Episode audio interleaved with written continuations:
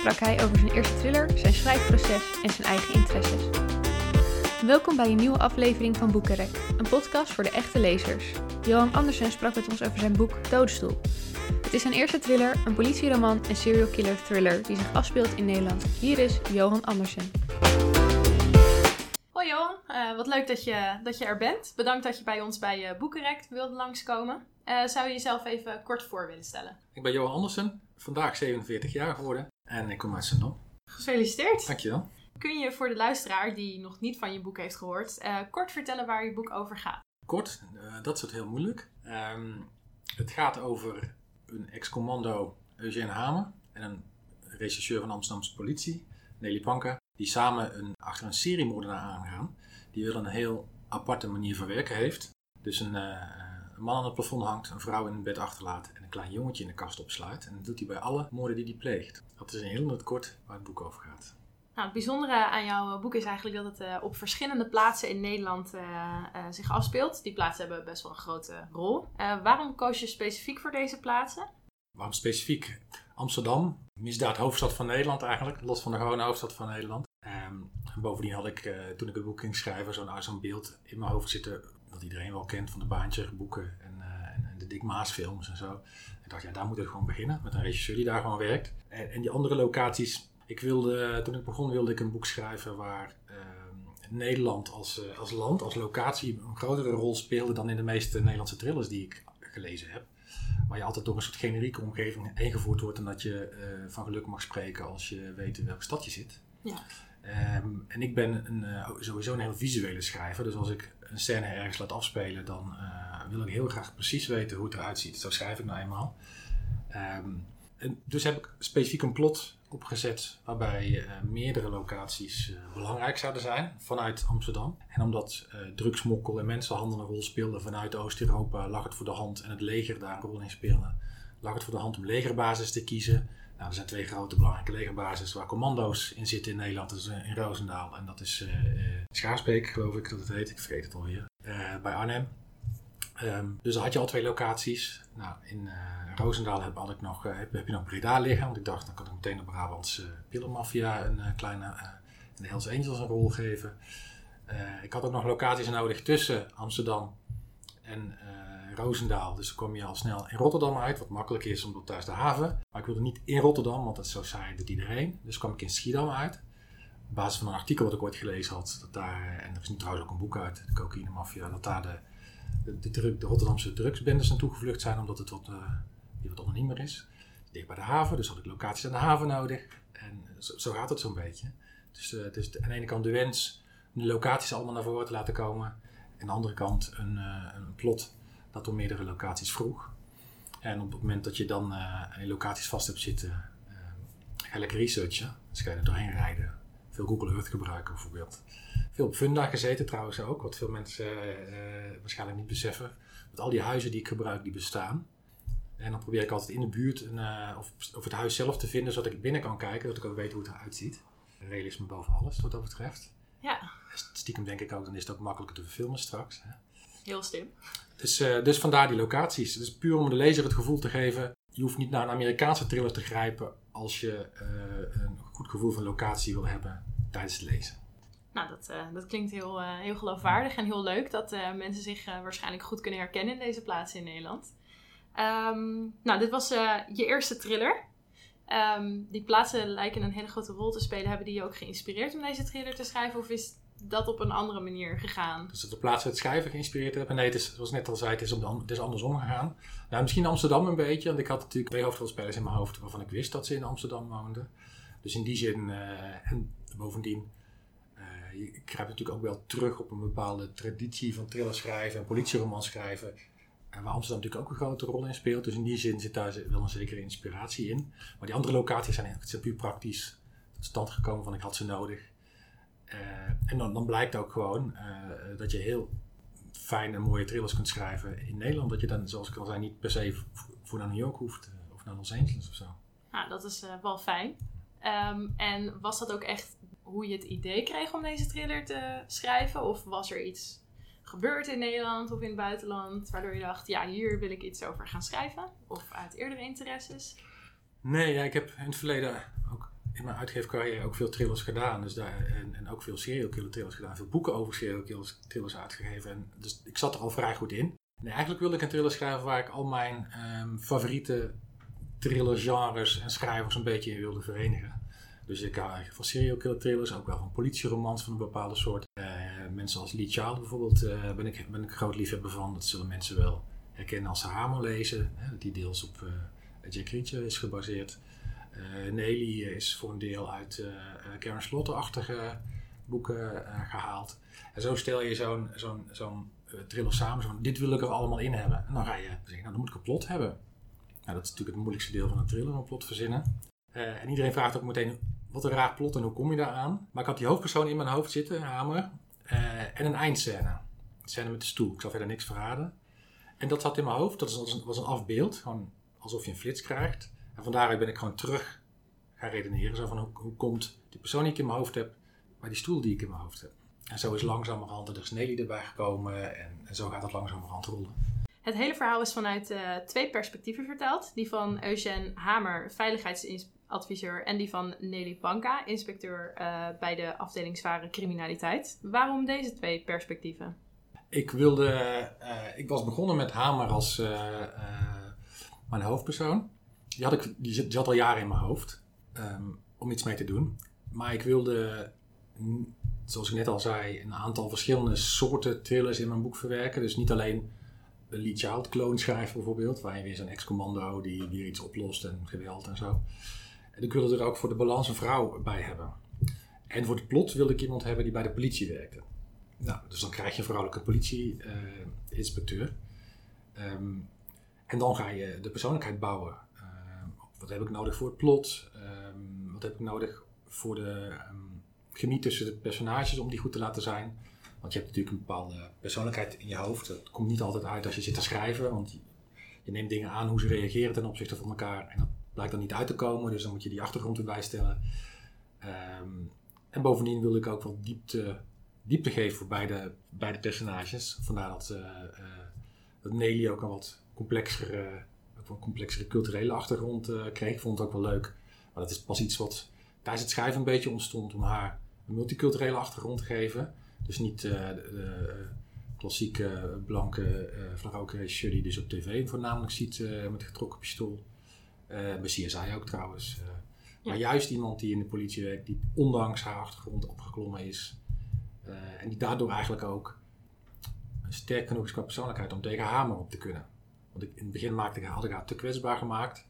En dat werkte helemaal niet. Het werkte voor gemeten. Het was zo'n inbalans tussen die twee personages. Nou, op die manier schaaf je als schrijver naar je personages en groeit ook die achtergrond. En een andere reden waarom ik voor twee perspectieven koos was omdat uh, het plot is natuurlijk vrij complex. Uh, en ik kwam er met, twee, met één perspectief gewoon niet uit. Je moet natuurlijk bepaalde uh, aspecten belichten. Aan de ene kant van het politieonderzoek. Politieonderzoek is natuurlijk vrij complex. Daar heb je tijd voor nodig, daar heb je veel informatie voor nodig. En daar heb je iemand voor nodig die bij de politie zit. en die ook heel geloofwaardig is als, als die bepaalde informatie geeft. Een ander deel van het plot had met het leger te maken. Uh, ook plekken en situaties waar uh, gewone politieagenten doorgaans niet komen, omdat het niet mag in, vanuit, vanuit het hoofd van een functie. En vandaar had het dus om het plot te laten slagen, dus echt twee perspectieven nodig had. Dat ik daardoor ook die man-vrouw uh, relatie en die verschillende culturele achtergronden erbij kan nemen, dat was dan een, een bonus. Oké, okay. um, was er van deze twee personages ook eentje waarvan je voorkeur had om uit te schrijven? Dacht je, deze is net iets leuker of ingewikkelder of spannender? Nee, je, kijk, als je begint, dan, uh, dan begin je met een, een half A4'tje aan, aan de achtergrond. Van, maar dat is eigenlijk puur verzonnen. Je zit een beetje gewoon na te denken over hoe zou ik, hem, hoe zou ik willen dat hij is. Op het moment dat je gaat schrijven, zo werkt het bij mij, geef die personages, laat je langzamerhand los en die ontwikkelen zich een beetje, ook, voor een deel onafhankelijk van wat ik zelf verzonnen heb. Uh, ze waren alle twee heel verschillend uh, van karakter en ook ze gedroegen zich heel verschillend. Ze waren ook alle twee heel verschillend om te schrijven. Ehm, Hamer was de, de meer stille, eh, minder introspectieve, dus daar moest ik wat meer actie aan geven. En die was in, in dat opzicht leuk om te doen.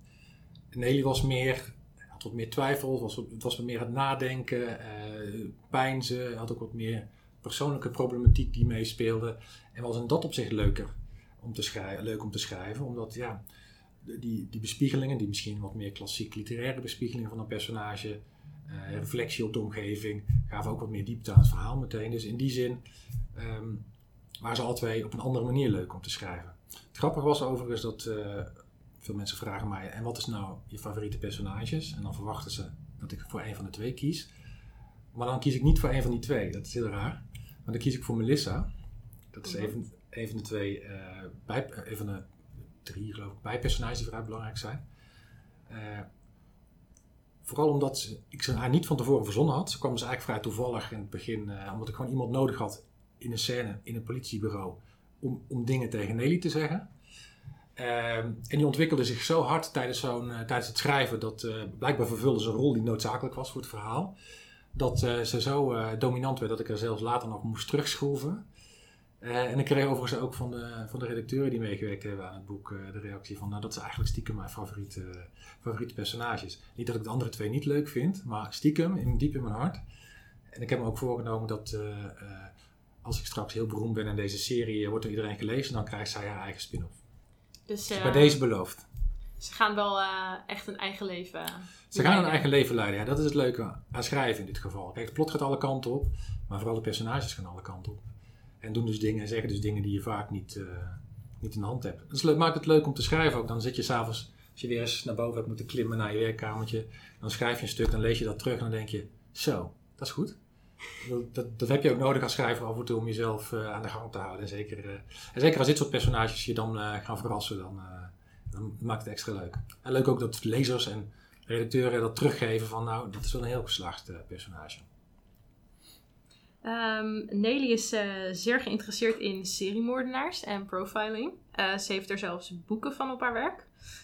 heb jij daar zelf ook zo'n interesse in dat zij dat van jou heeft overgenomen? Ja, dat is mij. Dat is een stukje van mij. Ja, dat klopt. het grappige daarvan was dat ik wel reactie heb gehad van dat ze het onverwacht vonden dat een vrouw die interesse heeft, dan blijkbaar is het heel, is het heel mannelijk om in seriemoordenaars geïnteresseerd te zijn. Wat ik grappig vind, want volgens mij zijn de meeste lezers van seriemoordenaar thrillers zijn vrouw. Uh, dus uh, dat is heel raar hoe die perceptie werkt. Uh, nee, zoals ik al zei, ik ik, seriemoordenaars heb ik zelf een soort fascinatie voor. Heb ik door de jaren heen ook, uh, ook gevolgd. Ook al die tv-series. als je nu op YouTube gaat, dan kun je al die oude Amerikaanse series, die, non-fictie-series die ik voor mijn research ook gebruikte, zoals de FBI-files, Profile, noem ze allemaal maar op. forensic files, medical files, kun je allemaal nog volgen. Het, blijft oneindig fascinerend. En als je al die boeken leest, ik heb een hele bibliotheek thuis staan, bijvoorbeeld van Jack the Ripper. Ehm, het leuke daarvan is dat je kunt het niet zo gek verzinnen als schrijver. Of er is iemand die het echt gedaan heeft dan het nog gekker. Um, dus wat dat betreft er zijn die mensen uh, uit die studies die vooral die FBI-profilers geschreven hebben over die serie moordenaars. Ik wou, ik wou bijna zeggen, ik kan ze van harte aanbevelen, maar je moet er wel tegen kunnen. Uh, um, wat, de, wat de achterliggende motieven zijn van, van die mensen en waarom ze doen wat ze doen. Dat is natuurlijk als je een thriller schrijft en het moet allemaal kloppen, motieven moeten kloppen en de sporen die ze achterlaten moeten kloppen, dan is het eigenlijk ook wel noodzakelijk dat je, dat je in die mate interesse hebt, want anders wordt het meteen ongeloofwaardig. En um, omdat het een seriemoordenaar was in het boek, vond ik het wel aardig om van, van Nelly uh, ook seriemoordenaar te maken. Ik heb even overwogen om, om Hamer zo'n uh, seriemoordenaar specialist te laten zijn. Maar die kan het gewoon onvoldoende schelen qua persoonlijkheid. Die zelfnaam heeft zelf namelijk ook een achtergrond waarin hij regelmatig mensen moet doden. Dus die, het zou voor hem heel onlogisch zijn als hij die fascinatie heeft. Tenminste in mijn beleving. Dus vandaar dat dat bij, uh, bij Nelly terecht kwam. Het was wel een gelukkige keuze, want het gaf mij ook wat aangrijpingspunten om, uh, voor gesprek tijdens in het boek. Mensen die dat opvalt. En uh, het geeft haar ook iets om naar te streven. Dat is altijd goed voor een personage. Nou, je had het net al even dat je een uh, werkkamertje boven hebt waar je naartoe moet klimmen. Dus misschien ook wel leuk om iets meer te weten te komen over jouw schrijfproces. Schrijf je je boek op chronologische volgorde of heb je allemaal losse scènes in je hoofd? Want je zei net iets over het beeld dat ook op het omslag staat, dat het in een soort van flits, zag je dat voor je? Hoe, hoe gaat het bij jou? Vertel. Ik ben een vrij methodische schrijver. Um, je hebt twee verschillende soorten schrijvers grofweg. En dan gebruik ik een beeld dat de fantasy schrijver George Martin, George R. R. Martin heeft ooit gebruikt. Je hebt de architecten en je hebt de, de, de planters, zeg maar, de tuiniers. De architecten die tekenen alles uit van tevoren, die zetten alles op, hij gaan dan schrijven. En de planters beginnen maar, die planten zaadjes en zien wel waar ze uitkomen. Nou, elke schrijver zit een beetje op het spectrum. Eén is wat meer dit, anders meer dat. Ik zit meer aan de architectenkant. Dus ik wil heel graag, voordat ik ga schrijven, wil ik weten waar ik eindig, wil weten waar ik begin en tussen, tussenin wat de belangrijkste plotpunten zijn. Dat is sowieso mijn voorkeur, maar als je zo'n thriller schrijft waar een politieonderzoek in zit, dan is het noodzakelijk. Ik moet vanaf het begin weten welke sporen ik moet achterlaten, zodat het ook op het einde nog geloofwaardig is. Want als mensen het terug gaan lezen, en dat doen ze, dan moet, de moet het nog steeds kloppen. Dus, dus ik plot op twee manieren. Ik heb een eindscène, had ik in mijn hoofd, die plot ik terug. Dus stapje voor stapje, hoe komt die dan, wat gebeurt er daarvoor, wat geleid heeft tot die scène. En dan ga je weer stapje stapje terug tot je bij het begin bent. En dan doe ik het nog een keer. Dus dan ga ik kijken of alle stappen die ik teruggezet heb, de andere kant op ook nog geloofwaardig zijn. Uh, dat is, zo stel ik dat erbij. Dan heb ik een basisplot. Nou, dat zet ik uit op een, in een document. En daar kan ik dus ook alle scènes die dan zo en alle flarden van dialoog en ideeën en uh, stukjes research en zo, die ik dan nodig heb, uh, of die bij me opkomen, die plak ik daarin, ruwweg op de plekken waar ze thuis horen. En meestal werk ik twee of drie hoofdstukken vooruit. Die staan eigenlijk al wel zo'n beetje vast op het moment dat ik in het net ga schrijven. Dus ik heb altijd één kladdocument links, één netdocument rechts. mag niks onder de cursor staan. Dat is mijn uh, niks onder de cursor beleid. Dus als ik s'avonds begin, dan zijn er geen stukjes of dingetjes waar ik nou, die nog aan elkaar moet schrijven. Ik begin echt bij na de punt, enter en begin. Maar ik kan aan het blaadje links kan ik zien zo'n beetje wat er, dit, wat er het hoofdstuk moet gebeuren en in welke volgorde. Zodat er niks tussen mij en mijn personages in zit eigenlijk. Dat betekent dat ik gewoon, ik weet wat ik ongeveer moet schrijven, wat de belangrijkste informatie is die ik per se kwijt moet voor een plot. En dan laat ik de personages doen wat ze doen. Uh, en dat maakt het ook meteen leuk. Dus het is gestructureerd, maar binnen die structuur geef ik de personages wel voldoende vrijheid om nog te ontsporen links en rechts. Ja, want heb je ook wel eens, je zei net van de personages leven wel hun, of die leiden wel hun eigen leven. Heb je nog wel eens van tevoren iets bedacht en doen de personages dan totaal iets anders? Oh ja, dat gebeurt regelmatig, ja. Dus omdat als je, als je een plot zit te maken, dan zit je gewoon uh, te verzinnen. Wat zou wel cool zijn en oh, dit zou wel cool zijn of dit is leuk of dit moet gebeuren. Um, maar bij een thriller is het heel belangrijk dat je de stapjes uh, één voor één zet. Dus als dit gebeurt, dan gebeurt er dat. Om die en die reden. En die, dat, dat kausaal verband moet kloppen. En dus niet alleen dat het uh, feitelijk moet kloppen, maar dat ook de motivaties van de personages eromheen niet moeten kloppen. Dus anders krijg je situaties, iedereen kent ze wel uit boeken, denk ik, uit slechte boeken. Dat de personages dingen doen waarvan je weet, nou ja, de schrijver zat waarschijnlijk in een hoekje. En de personages doen dingen die helemaal niet bij hun persoonlijkheid passen. Dus ik kan wel dingen verzinnen, maar dan, kan, dan blijkt dat in de interactie tussen de personages, die personages zo gegroeid zijn, dat je van nee, nee, dat kan niet. Dat kan dit personage niet zijn. Nou, soms kun je het dan opvangen door een ander personage daarin te plakken.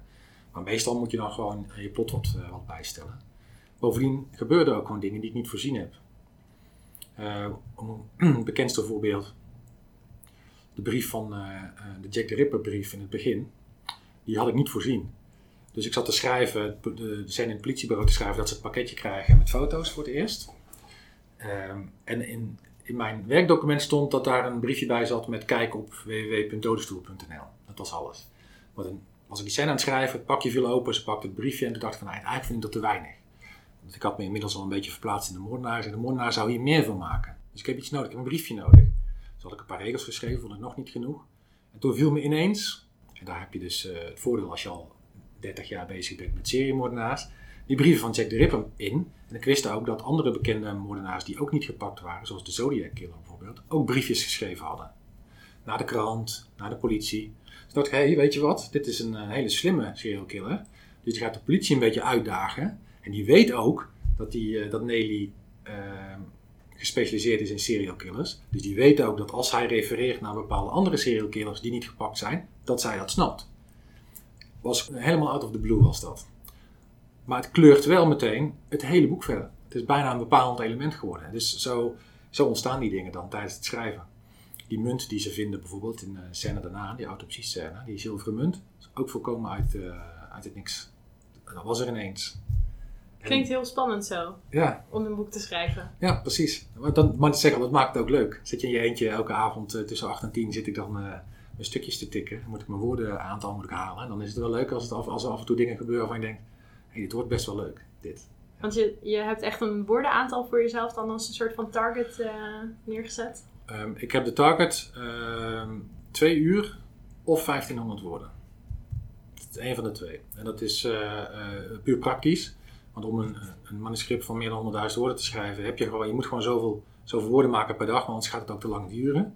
Dus ik moet elke dag uh, minimaal van mezelf zoveel woorden schrijven. Maar je moet ook rekening mee houden dat niet elke dag even goed is.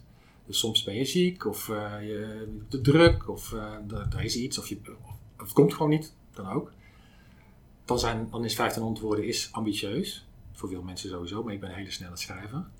Um, dus zeg ik, nou weet je wat, als ik twee uur zit, is het ook goed. Dan doe ik tenminste iets. En dan blijft die discipline van elke avond achter ik dat het blijft. Dan kan ik wel voetbal gaan zitten kijken. Maar ja, dan heb ik de dag na misschien nog, verzin ik weer een reden om voetbal te gaan zitten kijken. En als je daar eenmaal aan begint, dan... Uh, en 7.500 woorden per week. Dat betekent dat als ik mijn best doe, hoef ik maar vijf dagen in de week te schrijven en twee dagen niet. Als ik minder mijn best doe, dan moet er een zesde dag bij. Of heb je ook wel eens van die momenten gehad dat je echt niet meer wist wat je met het boek moest? Ja. En wat doe je dan? Doorschrijven. Gewoon schrijven maar. Kijk, en meestal is het zo, ook omdat ik heb daarvoor natuurlijk, ik heb ook wat andere boeken geschreven, die discipline zit er wel in. En je leert ook gewoon, oké, als het echt niet gaat en dan voelt elke zin alsof je tanden aan het trekken bent. Ehm, of je weet helemaal niet meer. Kijk, ik weet bijna nooit niet wat ik moet schrijven, omdat ik dat allemaal al heb voorbereid. Dat is exact de reden waarom ik dat voorbereid zodat ik namelijk niet achter mijn computer ga zitten en denk ik weet het niet. Maar soms komt het gewoon voor dat er staat schrijfscène met die en die die dat en dat bespreken. Normaal geen probleem. Op een of andere reden komt het niet. Nou, er kunnen twee redenen zijn. Of ik heb het vandaag niet. Of dit hoort hier niet thuis op dit moment. Dus dan is de enige remedie gewoon maar gaan schrijven en kijken waar je uitkomt. En 9 van de 10 keer duurt het 10 minuten en dan is die blokkade die, die verdwijnt vanzelf terwijl je onzin zit te schrijven van je weet hij kan het toch weggooien. Maar dan moet je gewoon weer even, duurt het gewoon die dag wat langer voordat je in het ritme komt. Uh, en dan na een kwartiertje uh, tik je weer vrolijk door. En als het na een kwartiertje nog niet komt, dan heb ik wel geleerd, dan ga ik gewoon een beetje aan het plot prutsen en uh, wat scènes die ik al heb staan verbeteren en kijken of ik de volgordes nog ergens moet veranderen. En meestal heb ik dan na een uurtje dat, ineens weer, dat ik ineens weer vanzelf, als vanzelf weer in het, in het schrijven geleid. Gewoon omdat blijkbaar heb je zo'n warm-up tijd nodig. Dus mijn advies aan beginnende schrijvers is ook altijd: na vijf minuten geef het niet op. Eh, stel voor jezelf gewoon die deadline. Als je geen twee uur hebt, maak er een uur van of een half uur. Of elke twee dagen een uur. Zolang je dat, die regelmaat maar hebt. En ook als je zegt van ik ga schrijven, dan moet je ook schrijven. Klinkt als uh, goed advies. Um, we hadden het net al even gehad over uh, seriemoordenaars. Dat uh, daar jouw interesse in ligt en dat je daar natuurlijk ook een boel research naar hebt gedaan.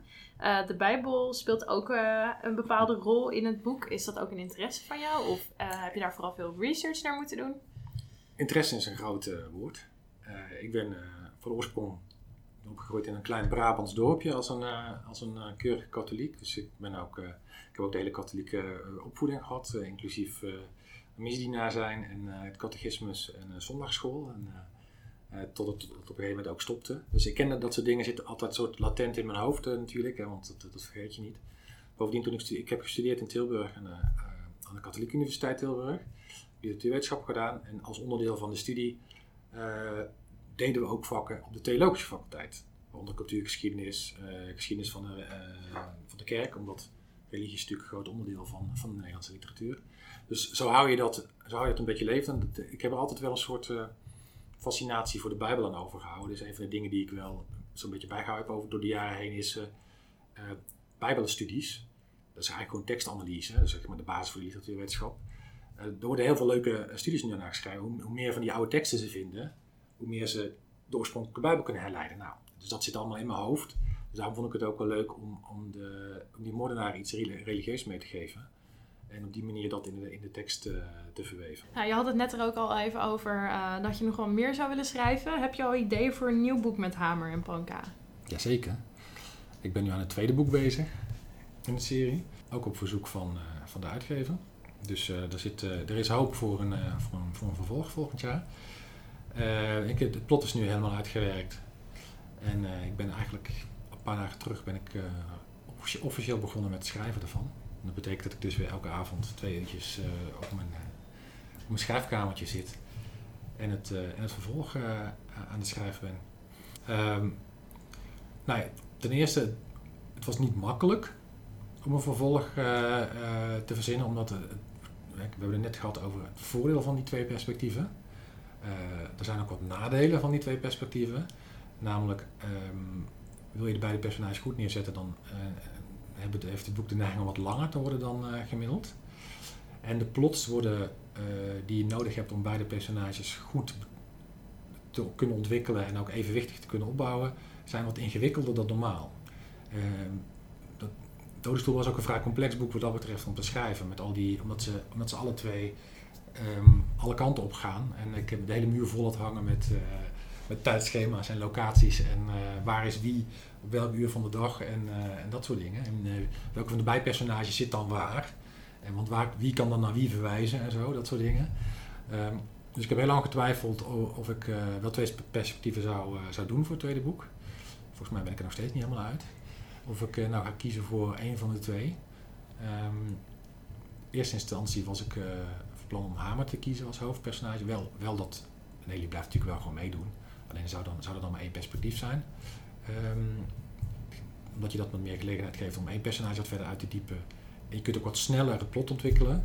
Aan de andere kant heb ik zoveel reacties gekregen eh, van lezers met name over dat ze specifiek uitkijken naar een vervolg waar ze alle twee zo'n rol spelen. Dat ik nu eigenlijk een beetje aan het kijken ben of ik niet toch uh, het plot wat ik in mijn hoofd had zodanig kan, uh, kan ontwikkelen dat, uh, dat ik weer een, een handzamer trailer, dat is dat hij niet te dik wordt, weer met twee perspectieven kan doen. En heel gezegd vind ik het eigenlijk ook wel leuk om ze alle twee weer, weer te nemen. Um, het wordt niet zo'n serial killer thriller als de eerste. Dat was een heel specifiek seriemoordenaar onderzoek. Het zit wat meer op het vlak van terrorisme. Um, in, in die wereld speelt het zich, uh, zich, zich af. Um, en ik denk dat ik daar maar even bij moet laten, want anders wordt het, ga ik weer te veel weggeven. En ik ben er nog, zoals gezegd, ik ben nog volop bezig met het schrijven van het boek, volop bezig met het ontwikkelen van het plot. Het kan ook nog zijn dat ik een, een andere kant in ga. Maar dat is waar het zich nu afspeelt en waar ik de research nu voor ook aan doen ben. Maar als alles goed gaat, dan, is het, dan ligt er volgend jaar rond deze tijd een tweede. We houden eh, je fans en lezers gewoon nog eventjes in spanning, toch? Ik zou het doen, ja. Hou de Harper Collins website in de gaten, zou ik uh, zeggen. nou, um, heel erg bedankt voor het langskomen hier, voor het opnemen van de boekenrek. heb je nog laatste woorden, tips, ehm, boodschappen voor onze luisteraars? Nee, ik heb geen boodschappen van, uh, van het... Ja, lees het boek zou ik zeggen. Koop het boek. Dat is misschien de hoofdboodschap uh, van, deze, van deze podcast ook. Uh, en laat me rustig weten wat je ervan vindt. En laat me ook rustig weten, als je het gelezen hebt, wat je vindt dat het, waar het vervolg over moet gaan. Dat zou ik wel ook wel heel leuk vinden. En dat was Johan Andersen. Bedankt voor het luisteren. Abonneer je om op de hoogte te blijven van onze nieuwste aflevering. Dode Stoel is nu verkrijgbaar. Bedankt voor het luisteren en tot de volgende keer maar weer.